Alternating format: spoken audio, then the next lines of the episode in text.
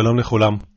בפרשת השבוע, פרשת וארא, אנחנו קוראים על שבע המכות הראשונות מתוך העשר שמביא השם על מצרים, בגלל שהם ממאנים לשלח את העם כדי שיעבדו אותו במדבר. וזו הזדמנות לעמוד באופן כללי על מגמת המכות בכלל. מה תפקיד המכות? למה שלח הקדוש ברוך הוא מכות על המצרים?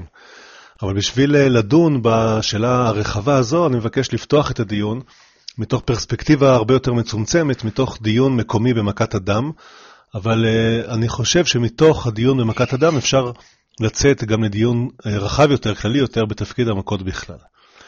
כשבוחנים את uh, הציווי על מכת הדם, שהקדוש ברוך הוא אומר למשה, נתקלים בסתירה מאוד בולטת ואפילו חריגה בנוף המקראי, כי ממש פסקה לצד פסקה, הקדוש ברוך הוא אומר למשה דברים סותרים. אני קורא את הציווי הראשון, הקדוש ברוך הוא אומר למשה כך, בפרק ז', פסוק י"ד: ויאמר אדוני אל משה, כבד לב פרעה מעין לשלח העם, לך אל פרעה בבוקר, הנה יוצא המימה, וניצבת לקראתו על שפת היאור, והמטה אשר נהפך לנחש תיקח בידיך. ואמרת אליו, אדוני אלוהי העברים, שלחני אליך לאמור, שלח את עמי ויעבדוני במדבר. והנה לא שמעת עד כה, כה אמר אדוני, בזאת תדע כי אני אדוני. הנה אנוכי מכה במטה אשר בידי על המים אשר ביאור, ונהפכו לדם. והדגה אשר ביאור תמות, ובאש היאור, ונלאו מצרים לשתות מים מן היאור. זה הציווי הראשון. בציווי הזה הקדוש ברוך הוא מצווה את משה ללכת לפרעה ולהתרות בו, שמאחר שהוא ממאן לשלח את העם, אז הוא, משה, הנה אנוכי, מכה במטה אשר בידי, משה, במטה שלו, הולך להכות על המים אשר ביאור, והמים שביאור יהפכו לדם. מיד אחר כך, לפני שאנחנו עוד שומעים איך הדברים התרחשו בפועל, שוב פונה הקדוש ברוך הוא למשה ונותן לו פתאום ציווי אחר. אני, מיד בהמשך, פסוק י"ט, מיד בסיום הציווי על ההתראה, אומר השם למשה כך: ויאמר אדוני אל משה, אמור אל אהרון, קח מטך ונטה ידך על מימי מצרים, על נהרותם, על יאוריהם ועל אגמיהם, ועל כל מקווה מימיהם ואיודם, והידם בכל ארץ מצרים, ובעצים ובאבנים. שככל הנראה, כך כבר אונקלוס מתרגם, שבעצים ובאבנים הכוונה למים שיהיו בכלי העץ וכלי האבן, כך אונקלוס מתרגם, ויהי דמה בכל ערא דמצרים, ובמאני אה, כלומר בכלי עץ, ובמאני אבנה, בכלי אבן. כאן יש ציווי אחר למשה. משה מצטווה להגיד לאהרון, קח מטך ונטה ידך, שאהרון במטה שלו יטה את ידו על מימי מצרים, לא רק על היאור, והידם בכל ארץ מצרים, לא רק ביאור, בכל מקורות המים המצריים עתיד להיות דם לאחר שאהרון יטה את מטהו לכל עבר. לכאורה יש פה שני ציוויים סותרים לגמרי, ואפשר למקד את הסתירה בשלושה מוקדים. המוקד הראשון על ידי מי, בעזרת מי הקדוש ברוך הוא הולך להכות את מימי מצרים, הולך להפוך את המים לדם. האם בעזרת משה או בעזרת אהרון? האם משה הוא זה שאמור להכות, או שאהרון אמור להטות את מטהו? זה מוקד ראשון, משה מול אהרון. המוקד השני, שנספח מיד למוקד הראשון, זה במטה של מי. כשהקדוש ברוך הוא מצווה את משה, בלשון ההתראה, הקדוש ברוך הוא אומר למשה, שיגיד לפרעה כמובן, כה אמר אדוני, בזאת תדע כי אני אדוני, הנה אנוכי מכה במטה אשר בידי, על המים אשר ביאור ונהפכו לדם. המטה אשר בידי חוזר כמובן לציווי למשה בפסוק ט"ו, שם הקדוש ברוך הוא אמר לו, לך אל פרעה בבוקר, הנה יוצא המים וניצבת לקראתו על שפת היאור, והמטה אשר נהפך לנחש תיקח בידיך. ועכשיו אומר משה, הנה אנוכי מכה במטה אשר בידי. כלומר, זה אותו מטה שנהפך לנחש במעמד הסנה, זה המטה של משה. אם כן, זה כבר המוקד השני שבו ניכרת הסתירה שבין הצו הראשון של השם למשה, שמשה אמור להכות במטה שלו, במטה שנהפך לנחש, ובציווי השני, התחושה היא שהקדוש ברוך הוא מבקש ממשה שיאמר לאהרון שיקח את המטה שלו, ובעזרת המטה של אהרון, אהרון יהפוך את כל מימי מצרים לדם. צריך אה, להזכיר בהקשר הזה שאכן מצאנו כבר, לפחות בקריאה פשוטה, עוד מעט נראה שלא כל הראשונים מסכימים לאמירה הזו, אבל בקריאה פשוטה ראינו כבר שגם המטה של משה וגם המטה של אהרון הם מטות פלאיים. שגם המטה של משה נהפך לנחש במעמד הסנה, אבל רגע לפני שהתחילו אה, סריית המכות, רגע לפני הציווי על הדם, גם המטה של אהרון נהפך לתנין. אז יש מקום אה, להבין שגם המטה הזה יכול לעשות פלא וגם המטה הזה יכול לעשות פלא, הכל כמובן ברצון השם. מעבר לשני המוקדים שהזכרנו שמבחינים בין ההתראה שמשה נדרש לומר לפרעה ובין הציווי שאחר כך משה מקבל, ששני המוקדים האלה קשורים בגיבור הפועל, משה מול אהרון, עם המטות שלהם, ההבדל השלישי, המוקד השלישי, לא קשור בגיבור הפועל, אלא בעצם המוכה. את מה צריך להכות? כשהקדוש ברוך הוא מצווה את משה לגשת לפרעה ולהתרות בו, ניכרת ההדגשה החוזרת ונשנית על היאור. משה נדרש להכות את היאור, והמוקד הוא לאורך כל הדרך דווקא ביאור. אני קורא בפסוק י"ז, י"ז וי"ח, כה אמר השם, בזאת תדע כי אני השם, הנה אנוכי מכה במטה אשר בידי, על המים אשר ביאור, ונהפכו לדם. והדגה אשר ביאור תמות, ובאש היאור, ונלאו מצרים לשתות מים מן היאור. היאור מאוד בולט. מוזכר פה ארבע פעמים, בכל שלב, גם של המכה וגם של תוצאותיה, הכתוב חוזר ומדגיש שבלשון ההתראה, משה צריך לומר לפרעה, היאור עומד להיות מוכה ולהפוך לדם. למה נבחר דווקא היאור? אז uh, כידוע יש בדבר שתי גישות שככל הנראה לשתיהן יש מקום uh, גם יחד. גישה אחת זו הגישה שאבן עזרא יותר מדגיש, שהיאור הוא הסמל לעוצמה הכלכלית של מצרים. הוא סמל גאוותם, ואם אמנם יש איזשהו אל בעולם, טוב, אני בתודעה המצרית עכשיו, אם יש איזה אל בעולם שיכול להכות את היאור, זה ודאי אל רציני שראוי להתחשב בו. ולכן זה מהווה פתרון טוב למה שהשם אומר למשה שיאמר לפרעה, אה, בזאת תדע כי אני השם. פרעה הרי אמר, לא ידעתי את השם, אז הנה התגובה, כפי שמעיר הרשב"ם, שהפסוק הזה מגיב לדברים האלה של פרעה, אחרי שפרעה אמר לא ידעתי את השם, אז הנה, בזאת תדע כי אני השם, אם יש פה מישהו שיכול להכות את היאור, את העוצמה הזו, ודאי הוא אל שראוי להתחשב בו. כיוון נוסף שהוצע כבר בחז"ל וגם רש"י אוחז בו, זה שהיאור נתפס כאל במצרים. סביר להניח שחלק מזה שהוא נתפס כאל קשור במה שאמרנו קודם, בעוצמה שלו, בשפע שהוא השפיע על המצרים הקדומים, ולפיכך, הנה, אם יש פה מישהו שיכול להכות את האל המצרי, את אחד מאלי מצרים, אז ודאי שבזאת תדע כי אני השם. בין אם כך ובין אם כך, מה שלנו עכשיו חשוב רק להדגיש, זה שהמכה של משה מתמקדת כל כולה ביאור. המים שביאור נהפכים לדם, ולכן גם הדגה שביאור תמות, ולכן גם לא יוכלו לשתות מים ממימי היאור, בגלל שהיאור הוא זה שמוכה. לעומת זאת, בציווי העוקב, זה שהשם אומר למשה שיאמר לאהרון לבצע, שם יש תיאור אחר לגמרי. קח מתך, ונטה ידך על מימי מצרים, על נהרותם, על יאוריהם ועל אגמיהם, ועל כל מקווה מימיהם ויהודם. וכאמור כבר קודם, בציווי הזה אפילו מוסף, והידם בכל ארץ מצרים, ובעצים ובאבנים. כלומר, לא יועיל שלמישהו יש איזו חבית מים מלאה, שהוא שומר אותה לעת מצו, זה לא יעזור לו, בגלל שאם החבית עשויה מעץ או מאבן, הרי שגם שם הארון יוכל להפוך את המים האלו לדם. ניכרת ההתרחבות הרבה שבין הציווי למשה שיכה דווקא את היאור ששם המים יהפכו לדם, לבין תפיסה חדשה לגמרי, שהארון יכול להפוך לדם כל מקור מים שהוא רואה, כל מקור מים שהוא מטה עליו את ידו, יהפך לדם. בין אם זה נהר, בין אם זה אגם, בין אם זו בריכה, בין אם זה בור מים. כל ארץ מצרים פתאום יהיו מוקדי דם שהארון היטה שם את ידו והפך אותם לדם. והפך את המים לדם. כיצד ניתן להבין סתירה גלויה שכזו?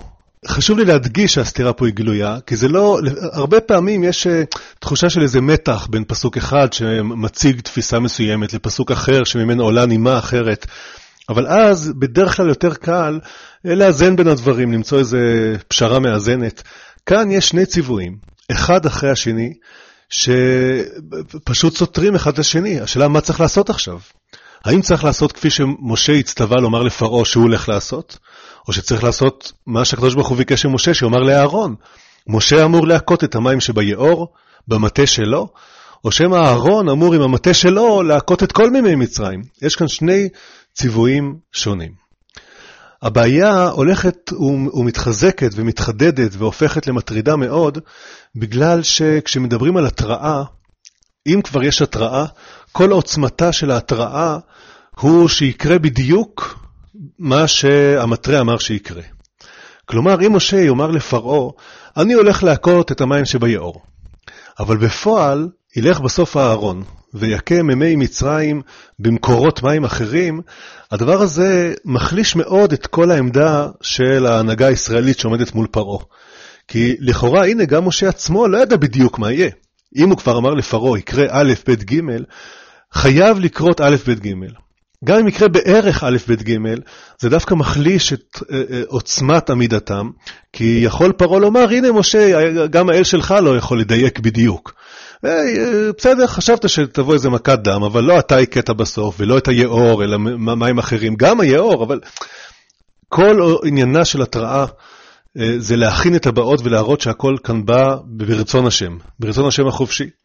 למעשה להתראה יש גם תפקיד אה, חינוכי מוסרי, לומר לפרעה, אם אתה משחרר תוכל להימלט מן העונש הזה, תוכל להימלט מן המכה.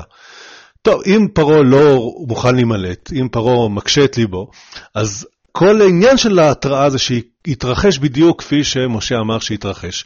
ולכן הבעיה כאן מציקה מאוד. כי ברגע שהקדוש ברוך הוא אמר למשה פתאום, אמור אל אהרון, שהוא יעשה משהו אחר, ההתראה רק אה, פוגעת בהצלחת התהליך החינוכי שפרעה אמור לעבור. מה עושים עם הסתירות האלו, עם היחס שבין שני הציוויים של השם למשה? בין הראשונים יש שתי גישות עיקריות.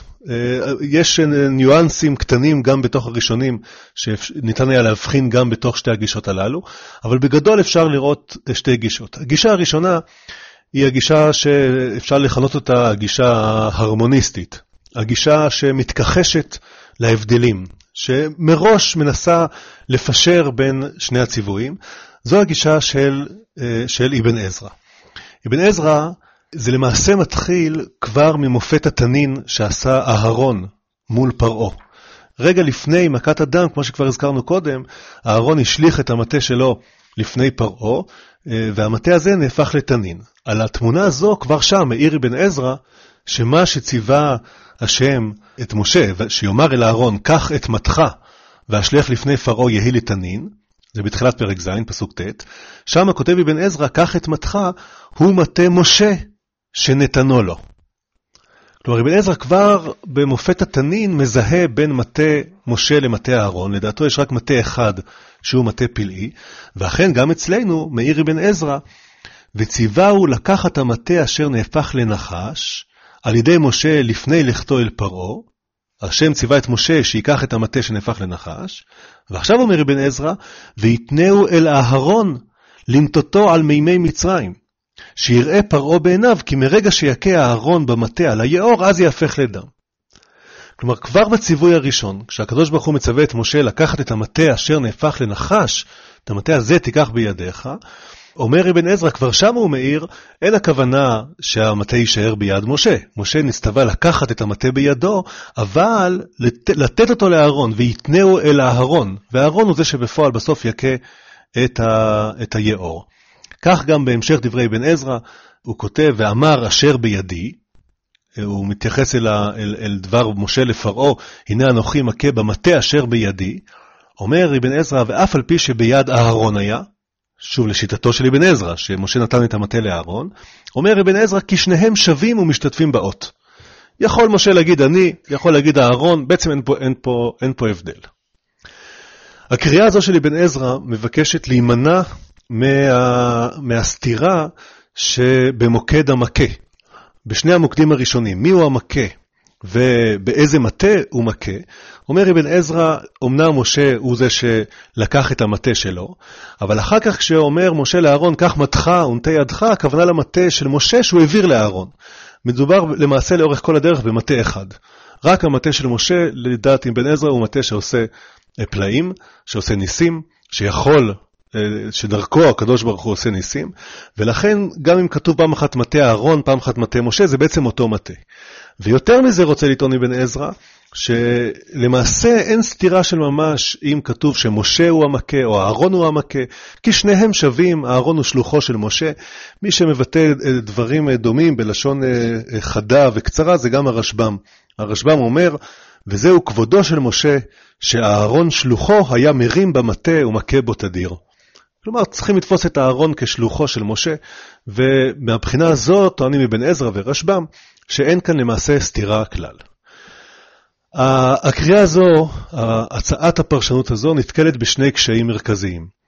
הקושי הראשון הוא ברמת הקריאה הפשוטה, התמימה. אם באמת אין זה משנה אם משה הוא המכה או אהרון הוא המכה, אז מה ראה הכתוב להבדיל ולהבחין בין השניים? אם זה אותו דבר, אז שיהיה כתוב כל הזמן אותה לשון. וכמו שכבר אמרנו קודם, זה גם קצת uh, הורס, כי כשמשה אומר לפרעה, הנה אנוכי מכה במטה אשר בידי. במטה אשר בידי זה, זה ניסוח כל כך uh, ממשי, ובסוף אהרון הוא, הוא המכה, אז גם אם צודקים מבן עזרא ורשב"ם שזה לא שקר, כי אהרון עושה את זה בשליחות משה, למה, למה לא למשה לנסח את דבריו כך שלפרעה יהיה אחר כך אמתלה אה, לומר, אתה רואה, זה לא קרה בדיוק כפי שאמרת שיקרה. למה לא לומר גם לפרעה בהתחלה, הנה אהרון שלוחי מכה במטה הזה. הנה אנוכי מכה במטה אשר בידי, ובסוף זה אהרון, זה עדיין הסתירה קיימת, ומאחר שמדובר בהתראה, אנחנו מצפים שיהיה אה, אה, דיוק רב. הדבר הזה נכון לא רק לגבי סוגיית המעבר ממשה לאהרון, אלא גם לגבי סוגיית המטה. כי משום מה הכתוב מדגיש שוב ושוב את המטה באיזה לשון אה, אה, שייכות כזו. משה כאמור אומר במטה אשר בידי, אחרי שהקדוש ברוך הוא הדגיש לו, המטה אשר נהפך לנחש תיקח בידיך, שזה המטה של משה. ואחר כך בציווי השני, ויאמר השם אל משה אמור אל אהרון קח מטך ונטה ידך על מימי מצרים. קח מטך, להגיד שזה מטה משה, אלא שהוא צריך להעביר לו, האם לא מתאים פה יותר היה לכתוב, קח את מתי, או קח את המטה, באיזו לשון סתמית. אבל קח מטך, זה תיקח את המטה שלך. וכאמור, אם לא קוראים כאבן עזרא קודם, אז המטה של אהרון הוא עצמו נהפך לתנין. כל מה שאני רוצה להעיר על הקריאה הזו של אבן עזרא ורשב"ם, שהיא בפשטי מקראות היא קצת אה, אה, קשה, היא קצת מאולצת, זו לא הקריאה שעולה באופן אוטומטי מתוך פשטי המקראות. אה, זאת ועוד, יש בעיה נוספת בהסבר הזה של אבן עזרא ורשב"ם, וזה לא בקשר למה שהם אומרים, אלא בקשר למה שהם לא אומרים. כאמור קודם, יש שני מוקדים עיקריים, שלושה, אבל אפשר לראות אותם כשניים, שמבחינים בין שני הציוויים, שיוצרים את הסתירה. המוקד הראשון הוא המכה, המכה ובמטה של, של מי, אבל המוקד השני הוא את מה מכים. לגבי זה, אבן עזרא ורשב"ם לא אומרים מאומה. אבן עזרא רמז קודם שהיאור נכלל בתוך המים כולם. אבל בגלל שלשון ההתראה מתמקדת ביאור ארבע פעמים, ונלאו מצרים לשתות מים מן היאור, ופתאום מתברר שבעצם מדובר באיזו מגפה הרבה יותר כללית, מכה הרבה יותר כללית, כי לא רק מן היאור הם לא יכולים לשתות, אלא הם לא יכולים לשתות גם מהמים שבביתם. הדבר הזה לא בא על פתרונו בפירוש הזה של אבן עזרא ורשב"ם, ולפיכך קשה להסתפק רק בביאור הזה, רק בהסבר הזה. ההסבר האלטרנטיבי שעולה בראשונים, ההסבר הנוסף, הוא כבר ההסבר שמופיע במדרש, במדרש בשמות רבה, ורש"י מאמץ אותו. רש"י כותב כך, זה נכון גם לגבי מכת הדם וגם לגבי מכת הצפרדע, שיש אה, בדיוק אותה סתירה שאנחנו עומדים עליה פה, קיימת גם במכת הצפרדע. אז רש"י אומר אצלנו במכת הדם, בפסוק י"ט כך, אמור אל אהרון, זה תחילת הציווי השני. אז אומר רש"י, אמור אל אהרון, לפי שהגן היאור על משה כשנשלח לתוכו, לפיכך לא לקה על ידו לא בדם ולא בצפרדעים, ולקה על ידי אהרון. אומר רש"י שלמשה רבינו עליו השלום יש מערכת יחסים אה, ענפה ורחבה עם היאור. מבחינתו של משה כשאומרים לו יאור זה מעורר בו גם נוסטלגיה, אבל חשוב מזה מעורר בו תחושות של הכרת הטוב. ולא ראוי שמשה יבוא ויכה את היאור, שהיאור הוא זה שהגן עליו בצעירותו, את אמו, החביאה אותו על הסוף, על שפת היאור, אה, נסתר מעין רועה, וכך הוא ניצל בסופו של דבר, כשבת פרעה מצא אותו ואימצה אותו ללבן. האם ראוי שדווקא משה הוא זה שיבוא עכשיו ויכה את היאור, יהרוס את היאור, את כל מימיו השופעים ויהפוך אותם לדם? אומר המדרש ורש"י, אה, לפיכך יש כאן מעבר מהציווי הראשון לציווי השני. כלומר, ממשה לאהרון. אהרון יכול להכות את היאור, על אהרון היאור לא הגן. הקריאה הזו, שלא כמו אבן עזר ורשב"ם, נעתרת לסתירה. זו לא קריאה הרמוניסטית, אלא אדרבה, זו קריאה שאכן מבדילה בין לשון ההתראה ובין הציווי הנוסף שמקבל משה, שאהרון בסוף הוא זה שצריך להכות.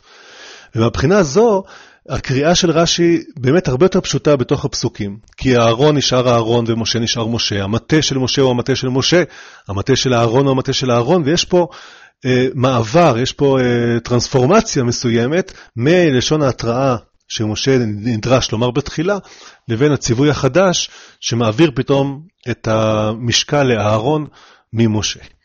זאת ועוד, הקריאה הזו, המדרש הזה, הוא הרי מדרש יפהפה.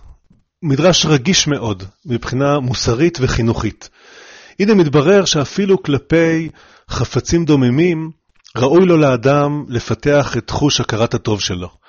גם ביחס ליאור, שלא מרגיש ולא יודע מה, מי מכה אותו ולמה, גם ביחס ליאור ראוי לו למשה שלא יתרגל לפגוע במי שעשה לו טובה, במי שעשה עמו טובה, במי שהגן עליו בצעירותו. קל וחומר כמובן אם מדובר בבני אדם שמרגישים וחשים ויש להם רצונות, ומהבחינה הזו המדרש הזה הוא באמת מדרש חשוב ומכונן, ואני זוכר בצעירותי שכך לימדו אותנו כשהגענו לפרשייה הזו בבית הספר, ובאמת עד היום אני מודה למורים שהפגישו אותי עם הרש"י הזה, כי הוא רש"י מאוד אה, מענג את הלב וחשוב. עם זאת, בהקשרי אה, פרשנות הפשט, גם הקריאה הזו נתקלת ב, ב, ב, בשני קשיים מרכזיים. הקושי הראשון הוא, כמו שכבר אמרתי כמה פעמים, מאחר שמדובר בהתראה על מכה שעתידה להגיע, הדברים חייבים להיות מדויקים כלשון ההתראה. גם אם יש באמת איזה ערך להעביר את משקל המכה מאהרון למוש... ממשה לאהרון, עדיין היינו מצפים שכבר בהתראה, מראש, יאמר הקדוש ברוך הוא למשה, לך לפרעה ותגיד לו, אהרון הולך להכות את היאור. בסדר, למה? כי אתה, משה, לא יכול להכות, כי היאור הגן עליך. אחרי שמשה כבר אמר בלשון ההתראה שהוא זה שהולך להכות את היאור, ההחלפה רק פוגעת, כמו שכבר אמרתי, בנוקבות ההתראה ובמשמעות שלה. דבר שני, גם רש"י, גם הקריאה הזו לא מתמודדת עם מוקד הפער השני שבמעבר שמהיאור לכל מימי מצרים. גם אם אה, משה הוא לא המכה אלא אהרון, אבל עדיין אם אה, משה אמור היה להכות את היאור, שאהרון יכה את היאור. למה זה פתאום מתרחב לכל מימי מצרים? בעל כורחנו, אני חושב שזה מקרה שאנחנו נדרשים לקרוא את שני הציוויים שמקבל משה, כלומר, הציווי הראשון שהוא הולך להכות את היאור, והציווי השני שיאמר לאהרון שיכה את כל מימי מצרים, בעל כורחנו זה מקרה שהקריאה הפשוטה היא לראות את שני הציוויים האלה לא כמוציאים אחד את השני, אלא כניצבים זה לצד זה. אין למעשה יחס של אה, דיאלוג בין שני הצווים האלו, אלא יחס של אה, מקבילים. כל אחד ניצב לעצמו. מה אני מתכוון אה, לומר? שאולי אפשר להציע שהקריאה הפשוטה היא שהשם אומר בהתחלה למשה ללכת לפרעה, להתרות בו שהוא, משה, עם המטה שלו, הולך להכות את היאור. וסביר שאכן כך משה הלך ועשה. חוץ מזה, במקביל למכת הדם הזו, שמשה מכה את היאור, אומר הקדוש ברוך הוא למשה, ויאמר השם אל משה, אמור אל אהרון. כמעט אפשר להוסיף פה אמור גם אל אהרון, שאהרון, בזמן שמשה מכה את היאור מול פרעה, בזמן הזה אהרון ייקח את המטה שלו, יסתובב בכל ארץ מצרים, וכל מקור מים שהוא רואה, הוא יכול להטות עליו את ידו, והמקום הזה יהפך לדם. פה באמת אהרון עושה משהו עם המטה שלו במקביל למשה. אהרון פועל בכל ארץ מצרים, ומשה פועל מול היאור. אם אמנם נקרא כך את שני הציוויים, כבאים אחד אחרי השני, ושלא מוציאים אחד מהשני, אלא אה, מוסיפים, הציווי השני מוסיף על הציווי הראשון, אז לכן נדמה שבביצוע זה בדיוק מה שקורה. אני קורא מיד אחרי הציווי השני לאהרון, מה קרה בפועל, פסוק כ' ויעשו כן משה ואהרון כאשר ציווה השם. זו הכותרת, גם משה וגם אהרון, שניהם עושים כפי שציווה השם. עכשיו מה? והתורה מתחילה לפרט. וירם במטה ויח את המים אשר ביאור לעיני פרעה ולעיני עבדיו. ויהפכו כל המים אשר ביאור לדם, והדגה אשר ביאור מתה, ויבאש היאור. כל זה חוזר בדיוק על לשון ההתראה, מילה במילה. מול לשון ההתראה, כך בביצוע, אכן היאור הופך לדם, הדגה שביאור מתה, היאור בואש, והמצרים אינם יכולים לשתות מים מן היאור. היאור מוזכר שוב ארבע פעמים, ומה שאני רוצה להציע זה החלק של משה, ויעשו כן משה ואהרון. את זה עשה משה. עכשיו ממשיכה התורה ואומרת, ויהי אדם בכל ארץ מצרים. בביצוע המכה אחרי ההתמקדות ביאור, התורה פתאום מרחיבה ואומרת שאדם היה בכל ארץ מצרים. זה נדמה לי חוזר לציווי שאהרון קיבל, והי אדם בכל ארץ מצרים. אז הנה, ויהי אדם בכל ארץ מצרים. כלומר, שיש כאן שתי מכות מקבילות. משה מכה את היאור, ובמקביל אהרון בינתיים הולך, וכל מקור מים שהוא רואה, הוא הופך את מקור המים הזה לדם. אם אמנם כך הוא הדבר, גם נוכל להבין איך זה שהחרטומים מצליחים להתמודד פתאום, ויעשו כן חרטומי מצרים בלטיהם. לו היה מדובר רק על היאור, והיאור כבר נהפך לדם, אז מה בדיוק עושים החרטומים?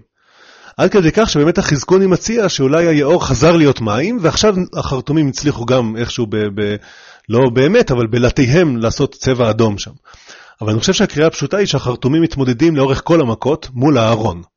לא מול משה, אלא מול הארון. כמו שהארון לקח איזה כלי מים, הרים את מטהו מעל כלי המים והמים נהפכו לדם, אז גם החרטומים לקחו איזה כלי מים והצליחו לעשות משהו כזה. היאור כבר נהפך לדם, אי אפשר להפוך את היאור לדם פעמיים, ולכן החרטומים ניצבים מול אהרון ולא מול משה. אם אמנם זה המצב, אז כמובן שצריך עכשיו לבאר מה היחס שבין מכת הדם של משה למכת הדם של אהרון. מה, מדוע יש את הכפילות הזו? למה משה עושה משהו אחד מול היאור ואהרון עושה משהו אחר מול כל מימי מצרים? הדבר הזה קשור ל... לכל אופייה של גאולת ישראל מארץ מצרים. הדבר הזה קשור גם ליחס שבין שתי ההקדשות של משה, ההקדשה שבסנה וההקדשה של תחילת הפרשה שלנו, פרשת וארא, ולא נוכל uh, להאריך בדבר הזה.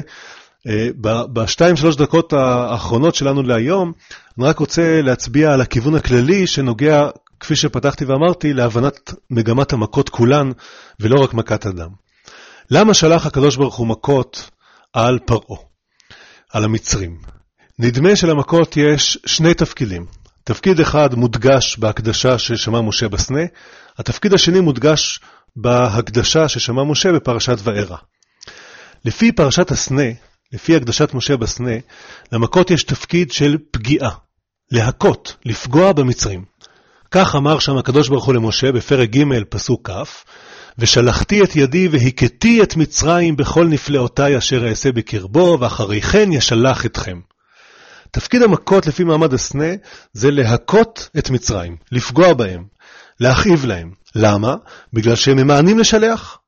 ואני ידעתי, זה הפסוק שמקדים שם, ואני ידעתי כי לא ייתן אתכם מלך מצרים להלוך ולא ביד חזקה. אם לא אפעיל את ידי החזקה, מלך מצרים יסרב לתת לישראל לצאת. אז צריך לשכנע אותו. איך משכנעים אותו? עוד מכה, עוד מכה, עוד מכה, עד שהוא יסכים לשחרר. מהבחינה הזאת תפקיד המכות לפגוע במצרים, לגרום להם לסבל. לעומת זאת, בתחילת הפרשה שלנו, ששוב הקדוש ברוך הוא חוזר ואומר למשה את כל uh, התכנון של יציאת ישראל ממצרים, כאן הוא אומר, זה בפרק ז', בתחילת הפרק שלנו, אומר הקדוש ברוך הוא פסוק ג', ואני אקשה את לב פרעה והרביתי את אותותיי ואת מופתיי בארץ מצרים. בהקשר הזה, עוד יותר ממה שהמכות רוצות לפגוע, המכות רוצות להיות אות ומופת גדול, לבשר לכולם שאלוהי ישראל חזק מאלוהי מצרים. החרטומים כנציגי האל המצרי מתמודדים מול אהרון כנציגו של האל של העברים, ואין צורך לומר, אהרון בסופו של דבר גובר. יש פה שתי מגמות שונות למכות. ברור שהן מצטרפות. כדי שהנס הגדול יוכר, אז כדאי שכל מצרי יחוש אותו על בשרו. וכדי שהפגיעה תהיה קשה, כדאי שזאת תהיה פגיעה ניסית, פגיעה פלאית, לא דבר של מה בכך. ואף על פי כן אפשר לעקוב אחרי כל המכות ולראות איך יש מכות שבמהותן קשורות יותר לפגיעה, לעצם הפגיעה, כמו למשל מכת הדבר, שבקושי אפשר לחוש שיש שם נס, מלבד האפליה בין מצרים לישראל. אבל בסדר, מכות דבר אה, קורות בעולם. לעומת זאת יש מכות אחרות שכל כולן נס אחד גדול. כמו למשל, הארון שמסתובב בכל מצרים, וכל בור מים שרואה, אה, שולח את ידו אל על, ופתאום מקור המים הזה הופך לדם. רק לדמיין את הארון מתחיל להסתובב שם בכיכרות גדולות, ואנשים מתחילים ללכת אחריו ומצטברים אחריו אה, אה, פמליות גדולות וחוזים בפלא ובנס הזה. זה לא רק באיזה מקום מצומצם, לא רק מול פרעה ביאור. כל מקום ואתר שהארון מגיע, בקלי קלות הוא הופך אותו פתאום לדם, את המים שם. זה נס, זה פלא גדול. נדמה לי שבהקשר הזה אפשר לשוב אל מכת הדם, אבל מה שאני רוצה לומר פה, אה, מבחינתי זה חלון ל, ל, לכל שאר המכות גם, כשצריך לבחון כל פעם מה קורה שם. כשמשה מתרה בפרעה, שהוא הולך להפוך את המים של היאור לדם, התורה מדגישה בעיקר את הסבל שיגרם למצרים בגלל המכה, עוד יותר מאשר הנס כשלעצמו. אני, אני מקריא מה משה אומר לפרעה, הנה אנוכי מכה במטה אשר בידי על המים אשר ביאור ונהפכו לדם, והדגה אשר ביאור תמות. טוב, זה כבר לא נס, הנס הוא כמובן שיהפכו לדם, אבל זה שהדגה תמות, זה תוצאה מיידית של העובדה שזה דם. ובאש היאור, היאור יסריח, יהפך להיות מפגע תברואתי. טוב, זה גם כבר לא הנס, זה רק תוצאה נלווית. ונלאו מצרים לשתות מים מן היאור. מה שמשה מדגיש לפרעה בדברו איתו, זה עד כמה המכה הזו הולכת לגרום לסבל המצרים. הדגה תמות, היאור יסריח, יהיה קשה להיות לידו, ולא יהיה מה לשתות. לא תוכלו עוד ליהנות משפע המים של היאור. זה מה שמדגיש משה, כי מבחינתו של משה, כשהוא מתרה בפרעה, המוקד הוא הפגיעה במצרים עד שהם יסכימו לשחרר את ישראל. לעומת זאת, כשאהרון מקבל את הציווי שלו, אז אין שום היבט של פגיעה במצרים. מה שמודגש זה שאהרון יוכל להפוך כל מקור מים שהוא רואה לדם. ונטה ידך על מימי מצרים, נערותם, יאוריהם, אגמיהם, מקווה מימיהם, כאמור אפילו בעצים ובאבנים. פה הדגש הוא על עצם הפיכת כל טיפת מים לדם, כרצונו של אהרון. זה מדגיש מאוד את הנס, את הפלא שבדבר. בסופו של חשבון, בסופו של דבר, פרעה אמור להפנים את שני התהליכים האלו.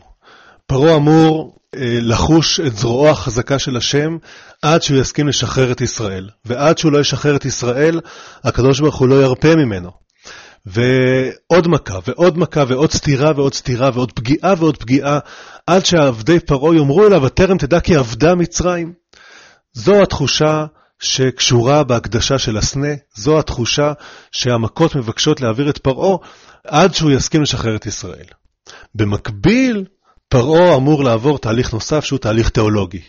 בתהליך התיאולוגי הזה יש מעין תחרות בין אהרון, שעתיד להיות כהן ולפיכך הוא מתאים להיות נציג של השם, לבין החרטומים, המחשבים המצריים, וגם פה אה, ניכר איך אהרון הולך וגובר, הולך וגובר, עד שבסופו של דבר, גם מבחינת הפגיעה במצר... במצרים וגם מבחינת התהליך התיאולוגי החינוכי שהם עוברים, המכות מצליחות להשיג את יעדן.